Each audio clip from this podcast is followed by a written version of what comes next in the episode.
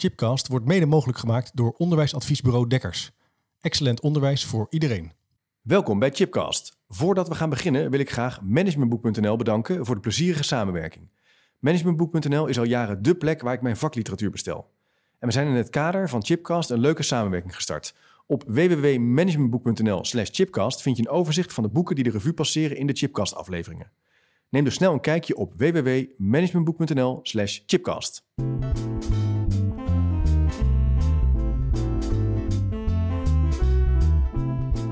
Leuk dat je er bent in de uitzending. Goedemorgen. Goedemorgen.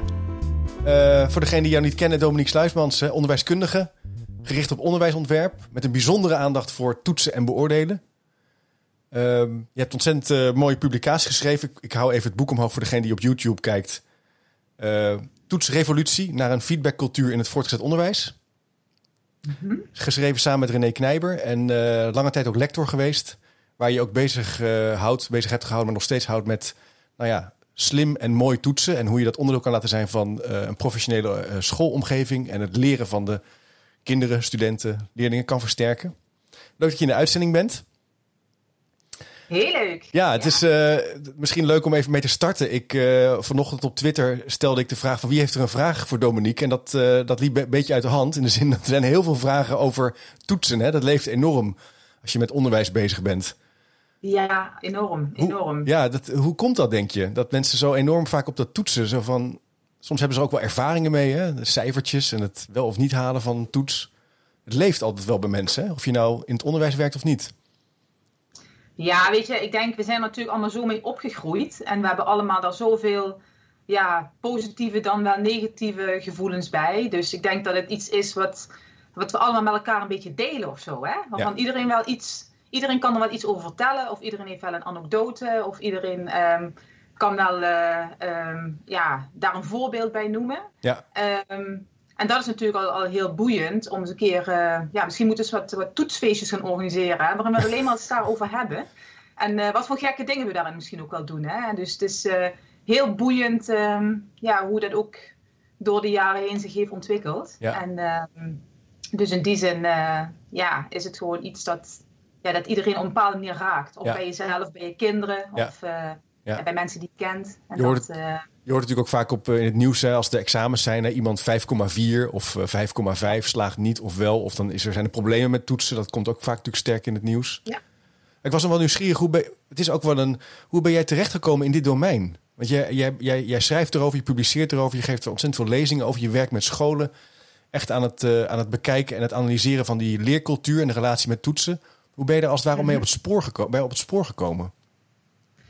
Ja, er zitten eigenlijk een, een paar verschillende aanleidingen. Ehm, de eerste aanleiding is vrij persoonlijk. Is dat ik ben eh, blijven zitten in de vijfde van het gymnasium. Daar heb je misschien ook een keer wat over gehoord of gelezen van mij. Ja.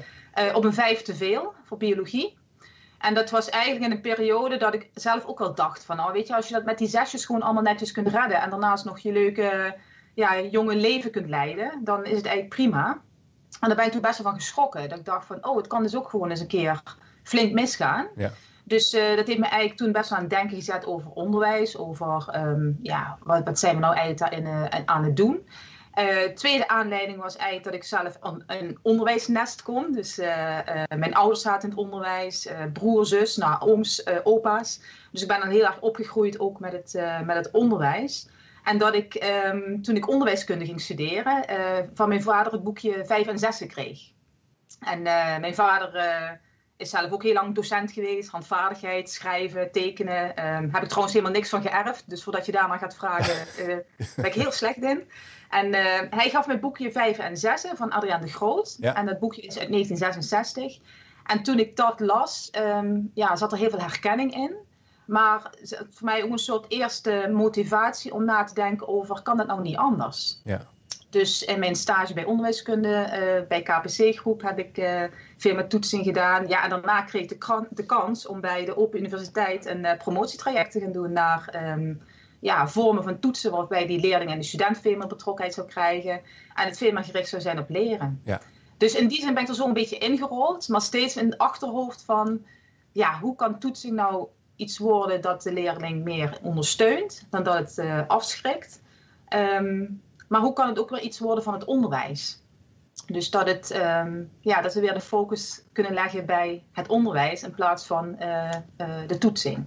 Ja, je zegt nou ja, echt... we zijn nu inmiddels 25 jaar verder en het is nog steeds um, heel hardnekkig. Ja, is het... Dus uh, zelfs het boekje van Adriaan de Groot denk van ja, onderwijsvernieuwing, maar ja, we zijn meer dan 50 jaar verder.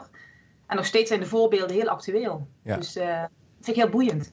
Het is heel boeiend, ja. Je schetst al een aantal uitdagingen in die wereld van leren en onderwijs. Hè? Dat dat toetsen als het ware op een of andere vreemde manier los komt te staan van het leerproces. Dat gebeurt ook een beetje impliciet. Ik herken dat ook wel van je bent met een vak bezig op universiteit of op de hogeschool of middelbare school. En dan in één keer is die toets er. En het lokt ook soms ander gedrag uit. Van oké, dan moet ik nu na gaan denken over. Nou, ik was vanochtend nog met onze oudste de rijtjes aan het oefenen voor Overijssel. Voor topografie. Dat was voor mij echt een nachtmerrie. Maar je merkt ook dat hij dan in één keer ook anders relateert tot dat papiertje. En denkt van ja, ik moet dan straks wel dan, in zijn geval dan bij de Montessori, het lesje en het toetsje aanvragen. En dan zie je wel dat hij dat spannend vindt. Terwijl daarvoor eigenlijk, als hij het heeft over aardrijkskunde, is er niks aan de hand. Dus of we het nou willen of niet, er gebeurt blijkbaar iets, zeg jij. En, en dat is los van het leren. Ja, exact. Dus er is denk ik door de tijd heen een soort ontwrichte verhouding ontstaan tussen onderwijstijd en toetstijd. Met alle consequenties van dien. Dus we zien dan bij studenten en leerlingen dat ze ook zich als zodanig gaan gedragen. Hè? Dus je krijgt het cramming, hè? dat net voor die toetsen even alles erin uh, stampen. Het zweten weten vergeten. Hè? Van ja, als ik maar even op de toets laat zien en als het daarna wegzakt, oké, prima. Maar waar misschien wel mijn meeste zorg zit, is dat we nog steeds mensen, ook, ook aanstaande leraren, opleiden met het idee dat een goede toets. Um, ja, um, vooral een, een, toets is waarin je een soort normgericht model mag uh, creëren. Hè? Waarin je dus, ja, dat te zeggen van nou, je hebt een goede toets gemaakt, als in ieder geval ook een deel van jouw leerlingen en jouw studenten ook zakt of een onvoldoende haalt. Want dan heb je goed gediscrimineerd tussen de studenten die het wel wisten en ah. die het niet wisten. Ja. Nou ja, kijk, ik denk dat het veel interessanter is om nou naar een visie op toetsen toe te werken, die veel meer uitgaat van dat eigenlijk alle studenten en leerlingen en in principe moeten kunnen halen. Ja. En dat is wat Adriaan de Groot ook betoogde. Hè, van wat is het eigenlijk gek dat wij beoordelingssystemen inrichten die eigenlijk voortdurend een selecterend karakter hebben. Dus dat we eigenlijk voortdurend ja, accepteren dat een deel van onze leerlingen gewoon zakt, een onvoldoende haalt, met alle gevolgen van dien. Dus als je al leerlingen na drie weken een zware onvoldoende geeft, die ook nog eens meetelt, dan doet het natuurlijk ook heel veel met de motivatie om uh, te willen blijven leren of de motivatie voor de mooie vakken die er zijn. En dat vind ik wel heel zonde. Dus we kunnen denken naar een hele ja, mooie integratie van onderwijs, leren en, onderwijs, uh, en, en toetsen toe. Die veel meer ook leerlingen de kansen gaat geven om te leren. En leren kost gewoon tijd. Ja kost veel tijd, heeft veel uh, uh, cycli nodig, uh, heeft veel vallen en opstaan nodig. Het is oefenen, oefenen, oefenen, oefenen. En tot het moment dat je kunt laten zien dat je het kan. Ja. En ik denk dat we nu veel te snel leerlingen en studenten ja, ja, dwingen om het te laten zien dat je het al kan. Terwijl die tijd misschien nog veel te kort was. Um, ja, en dat vind ik eigenlijk heel jammer. Want um, ja, ik denk dat we juist ook toetsen kunnen gebruiken als een soort um, ja, manier om ook leerlingen en studenten het gevoel te geven van ik wil ook graag gewoon zien wat nog niet lukt, zodat je kan helpen. Ja. Dus dat is een hele fundamentele ja, ja, andere manier om ja. te kijken.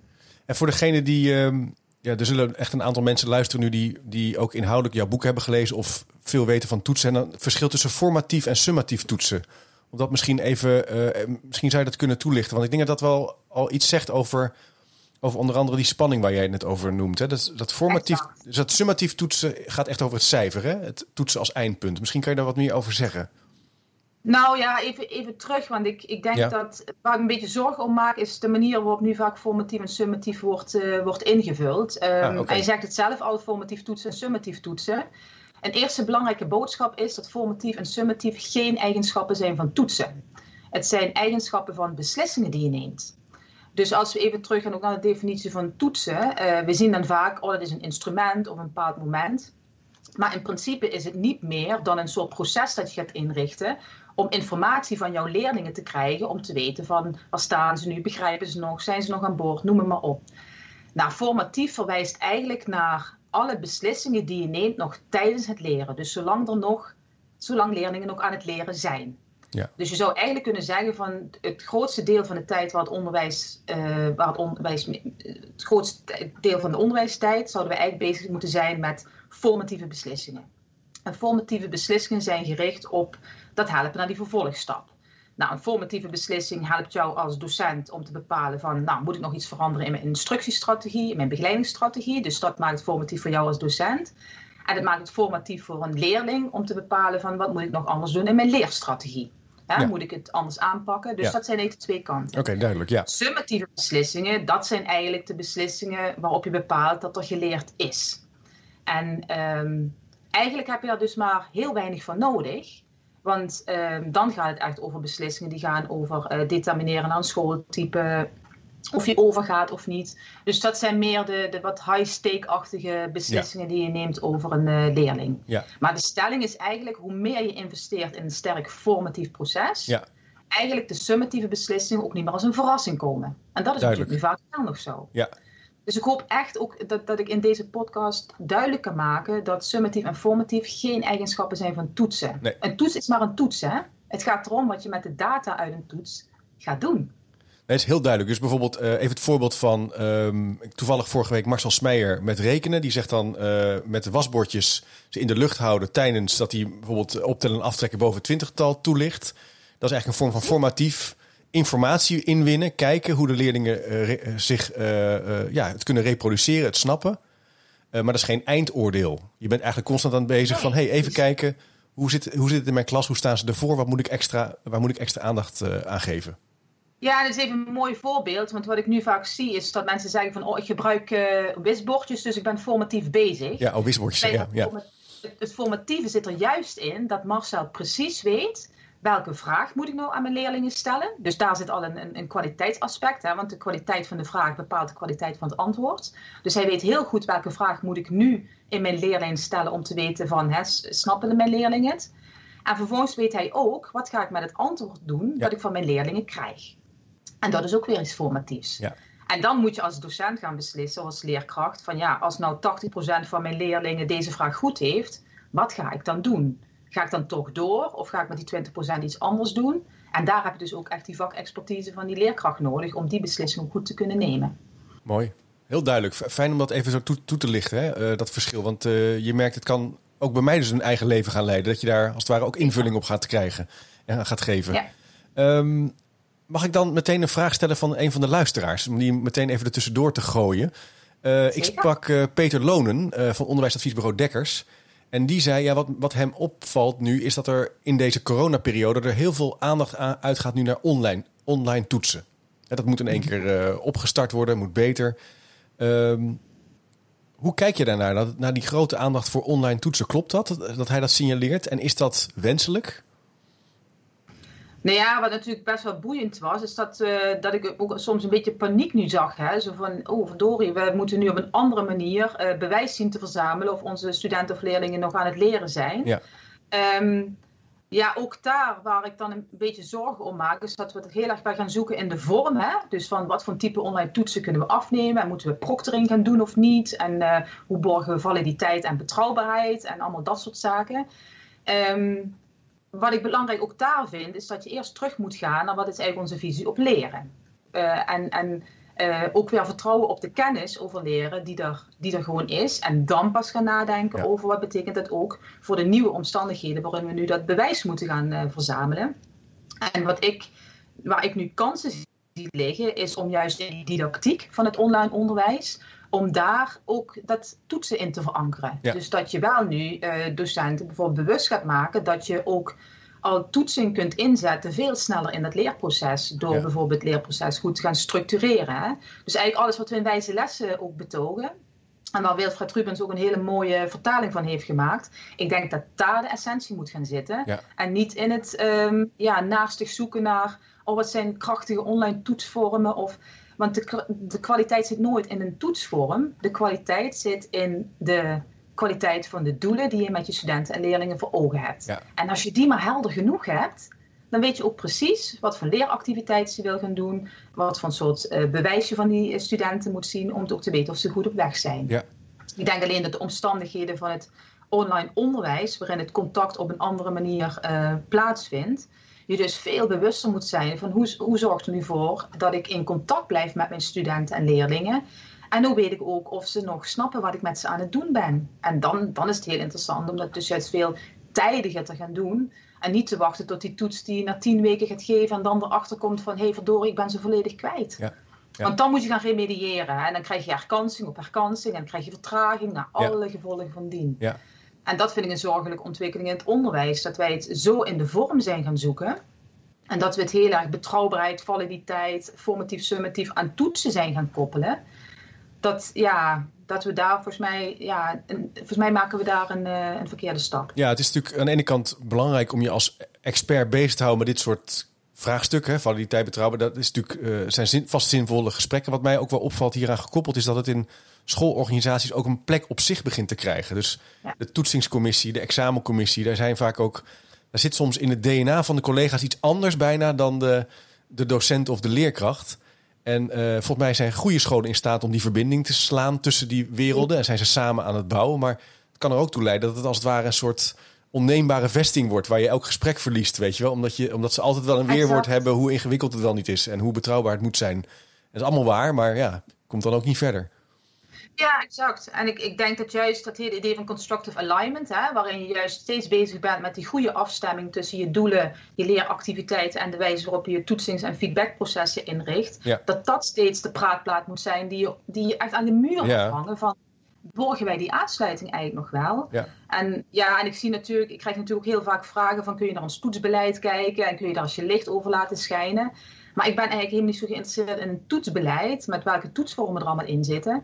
Ik ben uh, geïnteresseerd in de vraag van hoe nemen jullie beslissingen over jullie studenten? Ja. En hoe zorgvuldig doen jullie dat op basis van de doelen die jullie voor ogen hebben? Ja.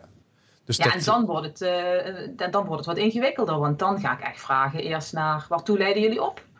En uh, hebben jullie daar een eenduidig beeld bij? Ja. En uh, waarin zie je dat, dat, dat leerlingen en studenten het goede gedrag vertonen? En, schets het mij eens, maak eens een beeld daarvan. Ja, dan komt er wat meer zweet op terug te staan. En dat, uh, maar dan wordt het voor mij interessant. Ja, dus eigenlijk benader je het. Je zegt het eigenlijk al dat constructive alignment. Je kijkt naar eigenlijk het systeem en de samenwerking. Is het een lerende organisatie, een lerend team, of hoe je het ook wil noemen? Zijn ze als het ware vanuit die grotere ambitie een goede doorvertaling aan het maken? En is het toetsen onderdeel daarvan? Dat is precies. Echt, ja, ja, ja, precies. precies. Ja. En dan nogmaals is toetsen um, vooral de, de, de, de processen die je inricht om informatie te verzamelen over je studenten, leerlingen in het licht van bepaalde beslissingen. Ja. En die zijn, zolang ze aan het leren zijn, formatief van aard. En zodra je wilt uh, weten of ze geleerd hebben, summatief van aard. Ja. ja, en dat is een beetje wat ik uh, een beetje met Ben Wilbrink uh, deel, van wie ik heel veel leer. Ja. Die zegt ook van ja, kijk hoe zo, mooi zou het zijn als we uiteindelijk ceremoniële examens hebben. Hè? Zoals ons, ons PhD-examen of waarvan je zegt van ja, weet je, het harde werk heeft gezeten in het proces ervoor. Ja. En wat zie je nu? Dat studenten hard gaan werken op, op zo'n momentane prestatie. Ja. ja, dat is natuurlijk heel gek. Ik heb zoiets ja, van die student moet gewoon vanaf dag één gewoon keihard aan de bak. Ja. Ja, dus formatief betekent ook van, um, van studenten en leerlingen vooral heel hard werken. Maar dat werken betekent wel dat je daarin nog mag laten zien wat niet lukt, want dan kan ik je nog helpen. Mooi, dat doet me een beetje denken aan, uh, aan bijvoorbeeld uh, wat je wel ziet bij judo of bij zwemles. Dat eigenlijk de mm -hmm. leerkracht of de, de begeleider al voor het examen al lang weet: oké, okay, uh, hij mag voor A of zij mag voor B. Of je gaat je bruine, bruine band halen, zeg maar. En de, dan is het bijna een ceremonie, zoals je zegt. En dan moet het wel heel erg misgaan, ja. wil, je, wil je zakken, zeg maar. En dat geeft natuurlijk ook vertrouwen. Precies, precies. En dat, uh, dat vertrouwen dat bouw je op tijdens het leerproces. En dus tijdens het leerproces. En daarom praat ik niet graag over een formatieve toets, omdat formatief eigenlijk heel kort cyclisch van aard is. Dus je bent eigenlijk bezig om uh, ook, ook leerlingen vrij snel ook succeservaringen uh, te laten opdoen, zodat het geloof in eigen kunnen en dat vertrouwen ook blijft groeien. Ja. En ze ook zin in leren blijven houden. Hè, omdat leren volgt op uh, succeservaringen. Ja, je zegt als je dat dus als je op die manier gaat kijken naar leren, naar beoordelen, naar ontwikkelen, dan neemt die spanning en die stress zou ook af kunnen nemen naar zo'n toetsmoment. Want dat zie je natuurlijk als je kijkt naar bijvoorbeeld studentenverenigingen die zich, die zich organiseren rondom ander onderwijs. Die zeggen wel van ja, we hebben, studenten hebben veel stress. Hè? Ze, ze, spanning is een, is een belangrijk probleem uh, in het voortgezet onderwijs, maar ook op de hogeschool en universiteit.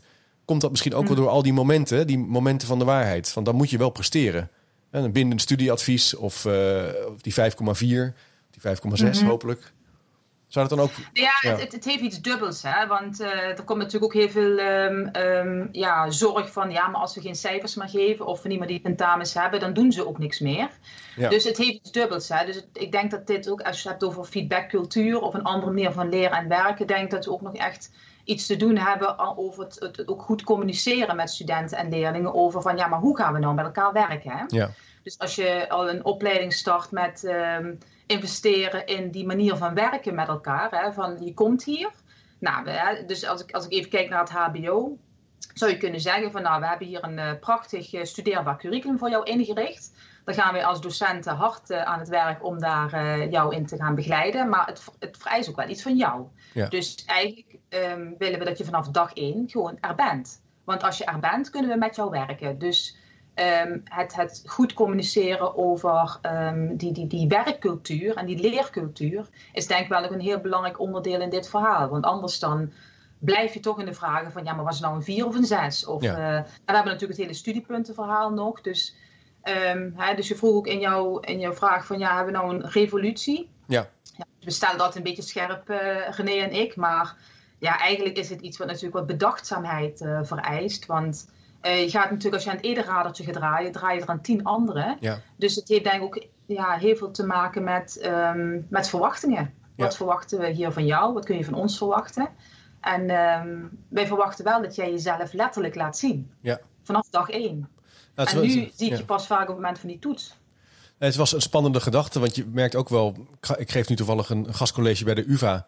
samen met Frank Cornelissen en eh, studenten. En dan, zijn we dan hebben we een soort pop-up advieskantoor bedacht. En we werken aan allerlei vragen in de praktijk... met eh, in scholen en eh, andere organisaties. Maar je merkt ook wel studenten die je ook een beetje raar aankijken van... ja, maar wanneer haal ik dit vak nou? Dus dit is wel heel vaag omschreven. En ik moet allemaal reflecteren en dus een reflectieverslag schrijven individueel. Je moet een teamopdracht doen. Ehm, het is ook wel lastig voor studenten soms. Hè? Ze zeggen ook van als je nou gewoon vertelt wat ik moet doen, dan, eh, dan weet ik niet wat er van me verwacht wordt. Dat, dat voel je ook wel hè? Bij, de, bij, bij als je dus meer ruimte gaat geven voor mede-eigenaarschap van het leren. Dat ze je soms een beetje vreemd aankijken. Herken je dat? Of, of... Um, ja, en ik, maar er, er zitten ook verschillende kanten aan. Maar ik denk juist dat, dat het ook een reële hulpvraag is. Hè? Ik denk dat um, als je Ja. zelf heel goed weet waar je naartoe wilt, Ja. dat we soms vergeten dat het voor studenten en leerlingen dat gewoon nog heel lastig is om daar een beeld van te hebben. Hè? Ja. Dus uh, mijn kinderen hebben daar het profielwerkstuk bij het VWO. Dus je kunt wel zeggen van nou, succes met het profielwerkstuk. Maar je zult het ergens moeten gaan opknippen in kleine stapjes, zodat ze ook gaan begrijpen. En het is voor mij niet zozeer van dat je ze dan aan de hand houdt of dat je ze te veel pampert, maar ook omdat het een, een, een aspect is van, van, van leren. Ja. Dat, je Ja. ook, uh, dat je het ook duidelijk maakt van wat je daarin verwacht. Ja. Uh, wat je van uh, studenten ik reëel is om te verwachten, is dat ze jou blijven informeren hoe dat leerproces gaat. En wat ze daarin, en dat noem ik dus verantwoordelijkheid van, um, van de student of de leerling. Dus ik vind eigenaarschap altijd een lastige, omdat het soms heel moeilijk nog is om eigenaarschap over iets te nemen waar je nog gewoon te weinig kennis en vaardigheden hebt opgebouwd. Ja. Dus um, uh, dat hele idee van uh, uh, zelf doen en zelf doelen leren stellen, ja, daar heb je ook eerst een goed fundament voor nodig voordat je dat, Ja. voordat, je dat kan. Ja, nee, dat en ik denk eh, juist ja. dat een opleiding de omgeving is om dat soort vaardigheden te leren. Ja, mooi. Ja, je moet het ook leren. De doelen van formatief, dat je na de opleiding wel meer bagage hebt van nou, hoe kan ik dat dan zelf gaan doen? Hoe kan Ja. ik mijn feedback gaan opzoeken? Hoe kan ik mijn eigen doelen formuleren? Maar dat moet je leren. Ja, Dus, je kan het eh, niet zelf ontdekken. Dus, de planning maken vraagt gewoon ook uitleg, eh, eh, oefenen. Ja. Het is ontwikkelbaar. Jij, jij, jij bent de expert. Jij, het is heel gaaf dat ze jou hebben, zodat jij kan laten zien van nou, ik, ik, ik neem eens even mee hoe ik dat aanpak. Ja. Of hoe ik Ja. dat doe. Want ja, jij bent dan, jij bent al zoveel jaren verder dan dat zij zijn. Dus, ehm Ja, de dus uitdaging is... Ik is herken, echt nodig. ja, zeker. En ik, ik heb wel het idee dat... Misschien dat, dat zullen andere leerkrachten die nu luisteren misschien wel herkennen. Je hebt toch de neiging om heel makkelijk over je eigen kennis te denken. Van, oh, dan doen we... Dit is een Ja. model. Hè. Er zijn bijvoorbeeld acht stappen in een, in een, in een, in een eerste gesprek met een, met, een, met een opdrachtgever. Noem maar even wat. En dan ram je daar even... Ja, je schrijft het even op. Zegt, nou, duidelijk toch? Maar ja, dat vraagt ook wel wat meer soms. Hè. Dus je moet als leerkracht... Het is best wel complex. Je moet, moet toch een beetje kunnen terug, teruggaan naar, naar het niveau van de, van de student Exact. met ze mee kunnen optrekken. En tegelijkertijd die norm kunnen benoemen van ja, maar dit moet je wel kunnen uiteindelijk. Dit is wel wat we verwachten. Nee, precies. Die, die, die performance objective, die moet dus ook Ja. heel duidelijk zijn. En die moet duidelijk zijn vooral voor jou, want die, dat is voor jou je toetssteen om te weten van, kan ik uiteindelijk iets zeggen of een, of een student daaraan voldoet. Maar precies het voorbeeld wat je nu zegt over die acht stappen. Jij bent de enige en daarom ben ik ook um, uh, zo voorstander om vooral die docent centraal te blijven stellen. Jij bent een ontzettend belangrijke persoon voor de student om die stappen uh, te verhelderen. Ja. Um, op een manier die ook in de taal van de student komt. Ja. dus die vloek van kennis, hè, die taal die jij al heel goed kent, hè, en dat herken ik bij mezelf met formatief en summatief.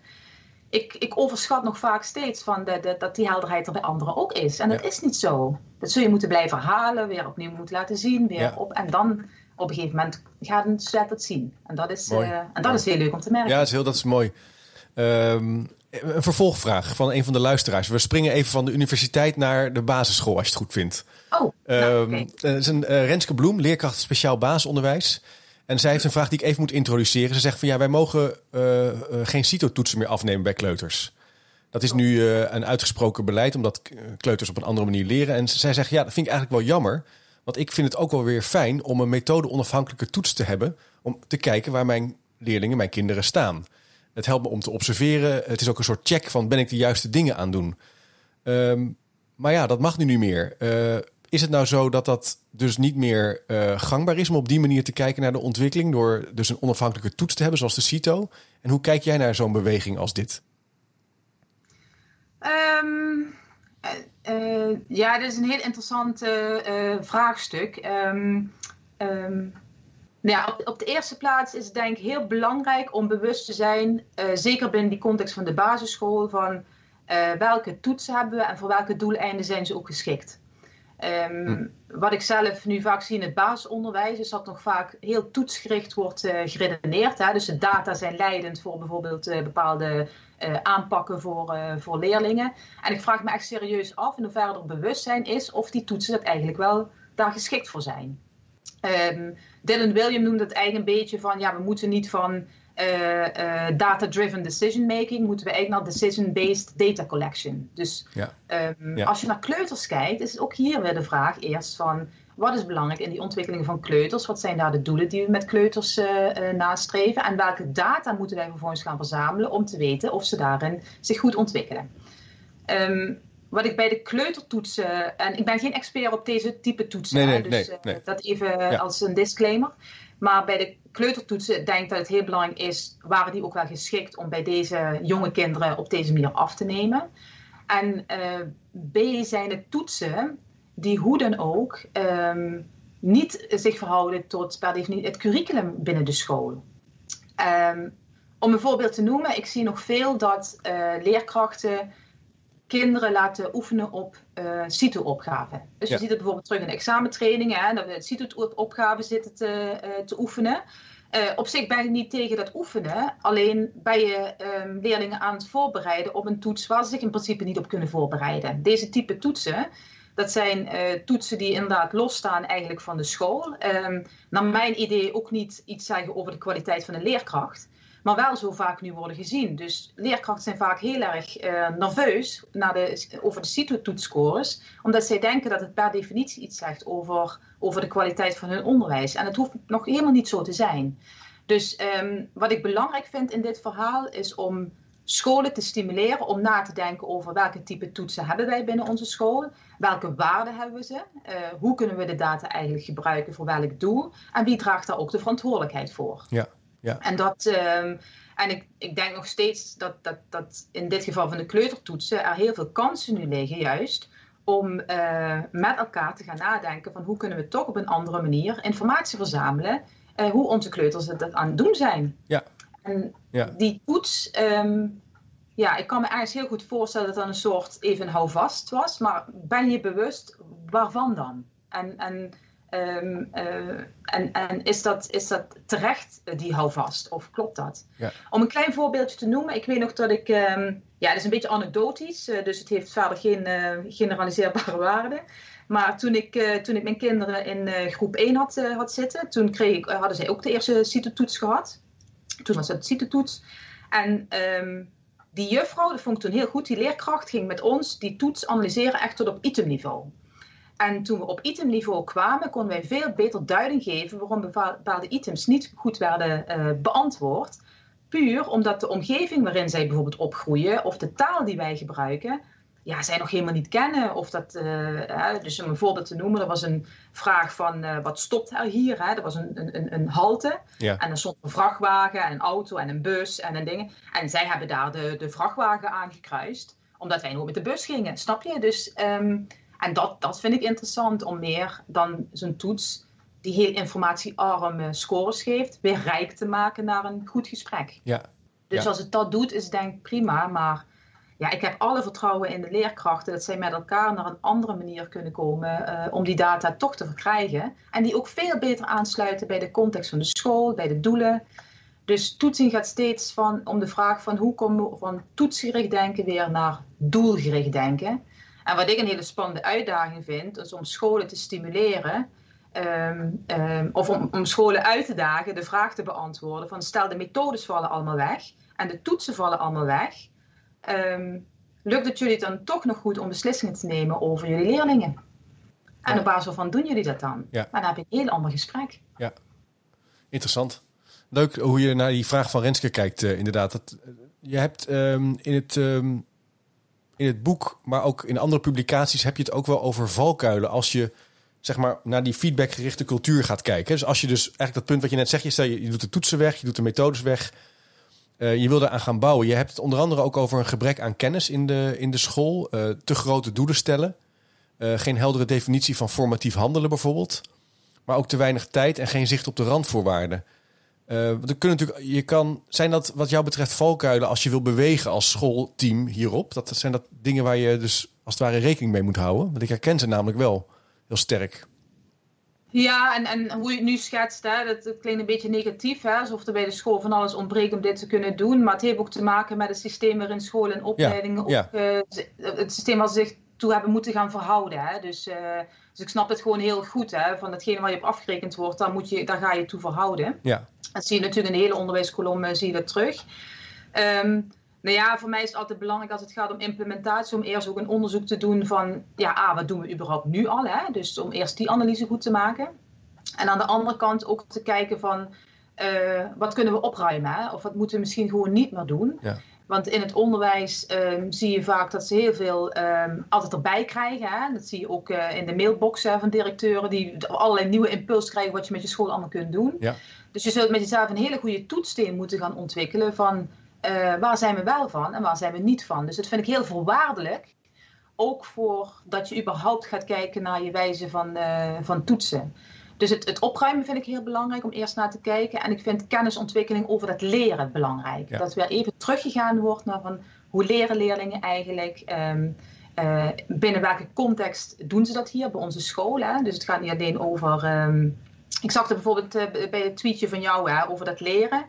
En denk van ja, aan de ene kant heb je dat leren, dat inderdaad vrij universeel is. Maar aan de andere kant heb je ook de specifieke context van een school ja, of van een ja. studentpopulatie. Dus de keuze ja, van de. Ja, dus een Montessori zou heel anders zijn dan uh, de Hogeschool Zuid. Of uh, de Hogeschool Zuid is weer anders dan uh, de Hans Hogeschool. Ja, dus, dus, de analyse van dus hoe, um, um, ja, dus die contextanalyse in relatie tot een goede ontwikkeling op die visie op leren, is denk ik een hele mooie basis. Om vervolgens te gaan kijken naar. Um, naar ja, waar, waar, kunnen verbeteringen zitten in hoe we het nu doen. He, dus het vele opruimen zit er ook bij. En dat kost gewoon heel veel tijd. Ja. En wat ik gewoon heel erg mis in het onderwijs is denktijd. Ja. Dus wij weten van leren dat je leert vooral doordat je aan denken wordt gezet. En als wij in het onderwijs in een modus blijven dat wij continu zitten te, te porren in die vorm. Oh ja, deze toets werkt niet, toch maar een andere dan vrees ik dat we gedoe blijven houden. Ja. Dus ik gun scholen en opleidingen heel erg. En, en, en ja, stel komend jaar gewoon eens alleen maar denktijd om denktijd. na te denken over de fundamentele vragen. Mooi, mooi begrip, denktijd. Het is uh, uh, ruimte hebben om te reflecteren of om met een collega van gedachten ja. te wisselen. Of met je team echt te gaan zitten van oké, okay, hoe kijken we eigenlijk naar leren? Want inderdaad, wat jij zegt. Uh, uh, er, is, er, is, wetenschappelijke kennis over leren, maar je kan natuurlijk ook zeggen als school, wij hebben een bepaalde filosofie daarbij. Wij geloven ergens in, of we willen een bepaalde opvatting sterk uitdragen. Het kan over duurzaamheid gaan of over uh, nou ja, het onderwijsconcept wat je centraal stelt. Dat mag ook in Nederland. Maar daar moet je eigenlijk wel dat kalibreren, is natuurlijk heel essentieel.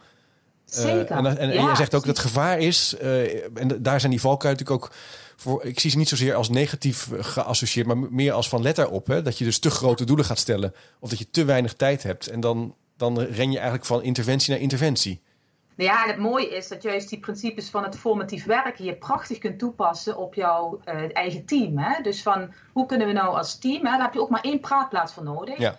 Uh, de doelen voor komend jaar gaan stellen. En hoe maken we die ook zo klein mogelijk, zodat het ook haalbaar wordt? En wat zijn onze succescriteria en wat hebben we daarin nodig? Dus ik vind het ook heel belangrijk om ook te blijven investeren in onderwijskundig leiderschap. Hè? Dus ik zie heel vaak toch dat we heel erg dat managen hebben georganiseerd. Hè? Dus van, als het maar allemaal organisatorisch klopt en als we maar de Ja. roosters hebben, noem maar op. Terwijl juist ehm, eh, als een soort netwerk werken, ehm, ja, ook, ook in relatie tot het onderwijskundige. Ehm, ja, dat vind ik wel nog iets waar, waar veel winst te behalen is. Ja. Hè? Dus echt, hoe kunnen we ons team ook zo gaan ondersteunen dat ze zichzelf kunnen blijven ontwikkelen, maar dat we ook voor een soort gemeenschappelijke toetssteen eh, ons onderwijs eh, ontwerpen. En Yes. dat, ehm, Mooi. ja, Dat- dus denktijd is er, ehm, Cruciaal. ja, absoluut. Ja. Het is, het, het- wat ik heel interessant aan vind, is dat ondanks dat het jouw discipline en expertise, hè, je hebt dat, het boek heet Toetsrevolutie, maar het gaat eigenlijk veel, veel, over veel meer dan toetsing. Het gaat echt over het organiseren van het werk, het organiseren van het vak. Exact. Het en samen met studenten daar waar het kan. eh, slim kijken naar, eh, naar die verandering en die verbetering. Eh, Ja. Dus het is, het is veel meer dan alleen het toetsen eigenlijk. Nou ja, ik vind dat integrale perspectief juist heel belangrijk. Want dat is ook, kijk, mensen associëren mij heel snel met toetsing. Ja, Maar eigenlijk weet ik, ja, dat is misschien even een bekentenis. Maar ik ben helemaal geen echte toetsexpert. Daar moet je echt bij andere mensen voor zijn. Ja. Maar ik vind het wel heel interessant om juist vanuit het constructive alignment idee, in relatie ook de organisatieontwikkeling, te kijken van ehm, waarom doen we eigenlijk de dingen zoals we die doen? En daar vind ik heel interessant om daar vragen over te stellen. Ja. Waarom laat je een student in een opleiding eh 80 keer een reflectieverslag schrijven? Vind ik heel interessant om daarop door te vragen. ja dat en valt mij ook op. ongemakkelijk? Ja, En daar weet ze misschien niet altijd de antwoorden op, maar voor mij is dat altijd het begin van het goede gesprek. ja, En als Ja. het in veiligheid en vertrouwen kan, want dit is natuurlijk heel kwetsbaar. Hè? Toetsing is ook iets heel kwetsbaars. Hè? ja, Dat, dat ja. ligt heel gevoelig. Dus je, je hebt er ook een omgeving voor nodig die ook ehm, juist docent ook het gevoel geeft van ik kan laten zien, dat ik weet ook even niet. Of Nee. ik, ja, help mij. Of, Ja. ehm, Er zit iets in bij, bij toetsen dat ook een soort pas- een een ritueel van passage is. Van A naar B. Je mag ergens, ware ergens door. Dus dat is gevoelig. Eh, Ja. En je zegt als je dus niet op die constructieve alignment daar goed op inzet. Ik herken dat helemaal ook eh, soms als ik lessen geef. Dan, dan eh, vragen we aan studenten enorme reflecties te schrijven. Dat, dat kost ook heel veel tijd om na, te, om na te kijken. En daar raak je soms ook helemaal in de knoop van reflectie op reflectie. Op een gegeven moment denk je, ja, ik zie door de boom het bos niet meer. Dus terug naar de Ja. basis, terug naar de essentie. Eh, Maak het functioneel inderdaad. functioneel, En, en, ja. eh, en weet je, en dat, door eerst die analyse te doen en eerst eens een aantal dingen op te ruimen, ja, dan krijg je ook pas wel lucht om, om het op een andere manier te gaan inrichten. Maar anders inrichten in een bestaande praktijk. ja. Hè, we, we blijven het zo doen en we gaan her en daar een beetje wat veranderen. Ja, dat is volgens mij niet de weg die we moeten bewandelen. Nee, ik vind mooi dus dat, trek je maar vijf tot tien jaar vooruit. Hè? Dus het is ook prima. Hè? Dit hoeft niet van vandaag op morgen. Het kost tijd, hè, veranderen. Dus hè, je, dat, dat gaat niet in Ja, daar zei je veel meer van dan ik. Ja, nou ja, voor zover het... Ik denk wel, alle mensen die ik heb gesproken in de podcast... die er wat verstand van hebben, zeggen... ja, dit soort verandertrajecten... je moet niet verwachten in een half jaar of een jaar klaar te zijn. En dat is- ik, zie het ook in de school die ik bezoek. Ja, je bent drie, vier jaar bezig. En dan ga je echt dingen zien. Eh, maar het is een lange adem en je moet het echt samen doen.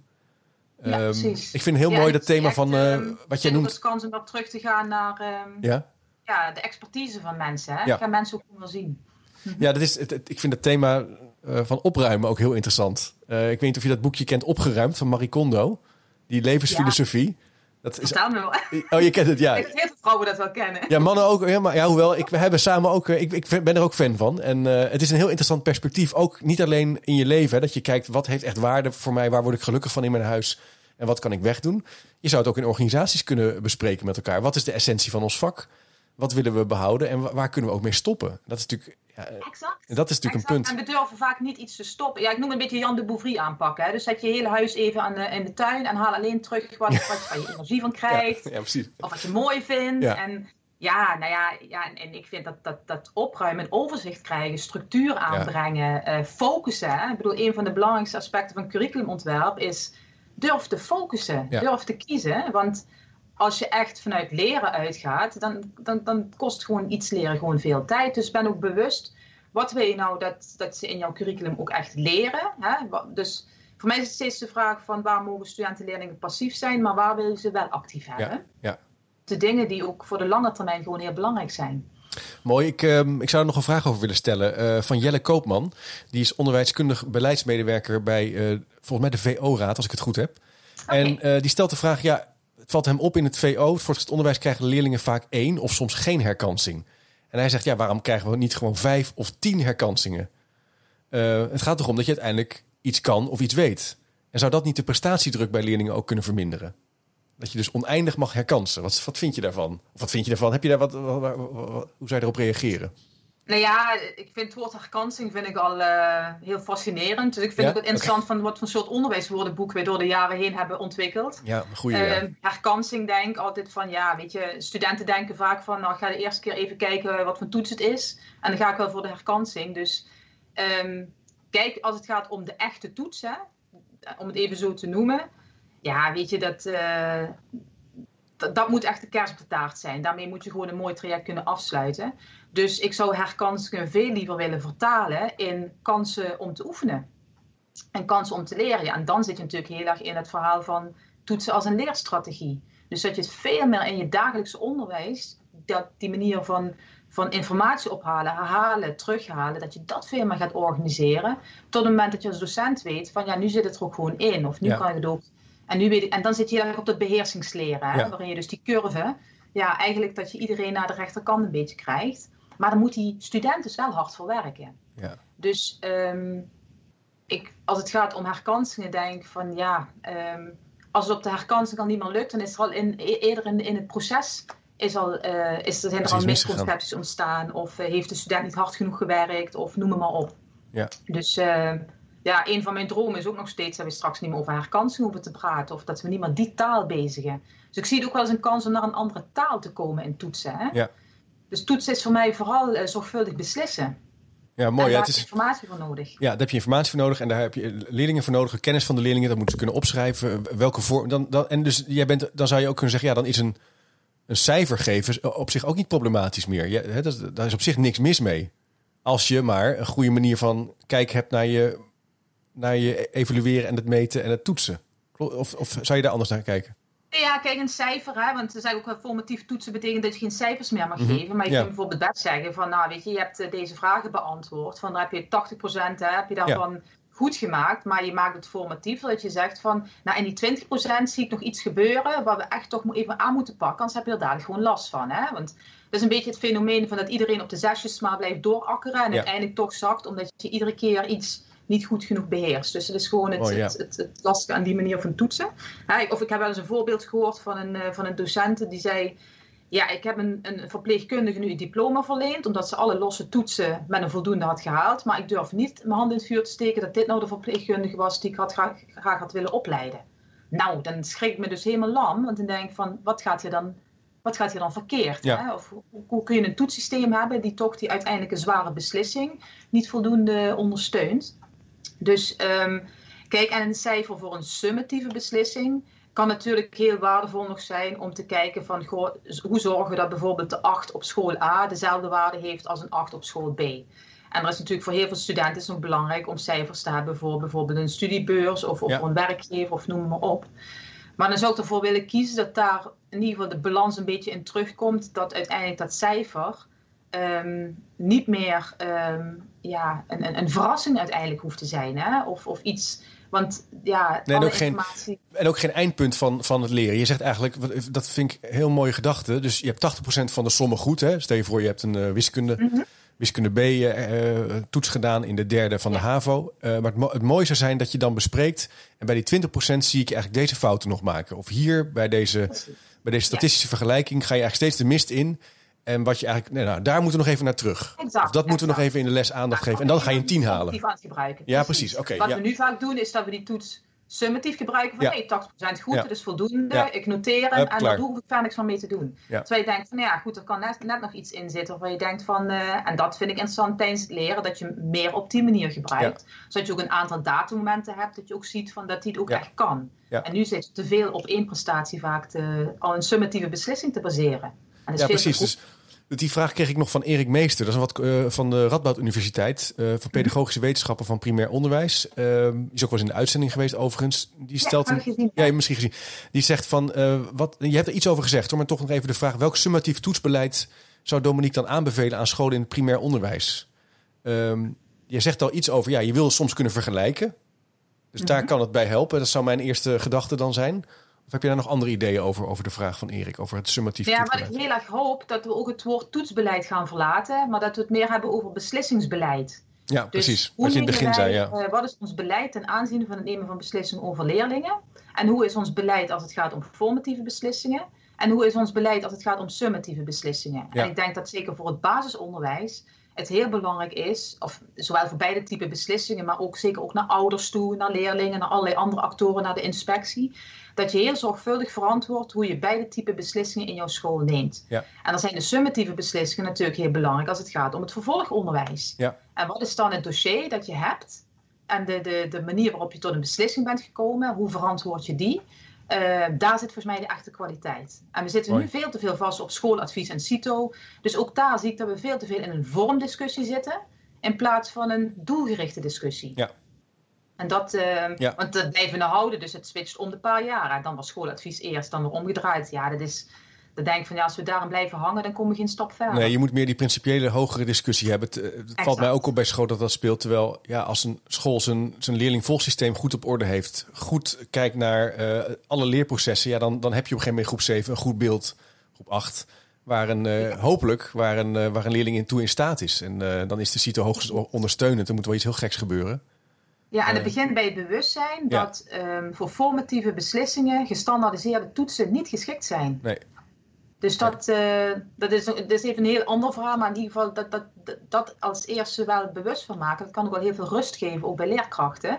Dat zij ook weer vooral bezig kunnen zijn met goed onderwijs. En niet bang hoeven te zijn van of die toetsen daar wel goed gemaakt worden. dat is een schoolniveau iets. Dan moet, je op, dan moet je op een andere manier moet je dat uh, gebruiken. Ja. Ja, god, dan kom je eigenlijk op, komen we bijna weer bij een ander thema over uh, toetsen en selectie. Maar dat is, hebben we nu, hè, dus uh, het feit dat Nederland heel vroeg selecteert en uh, hoe dat dan weer zit met toetsen. Maar dat is denk ik een heel ander gesprek.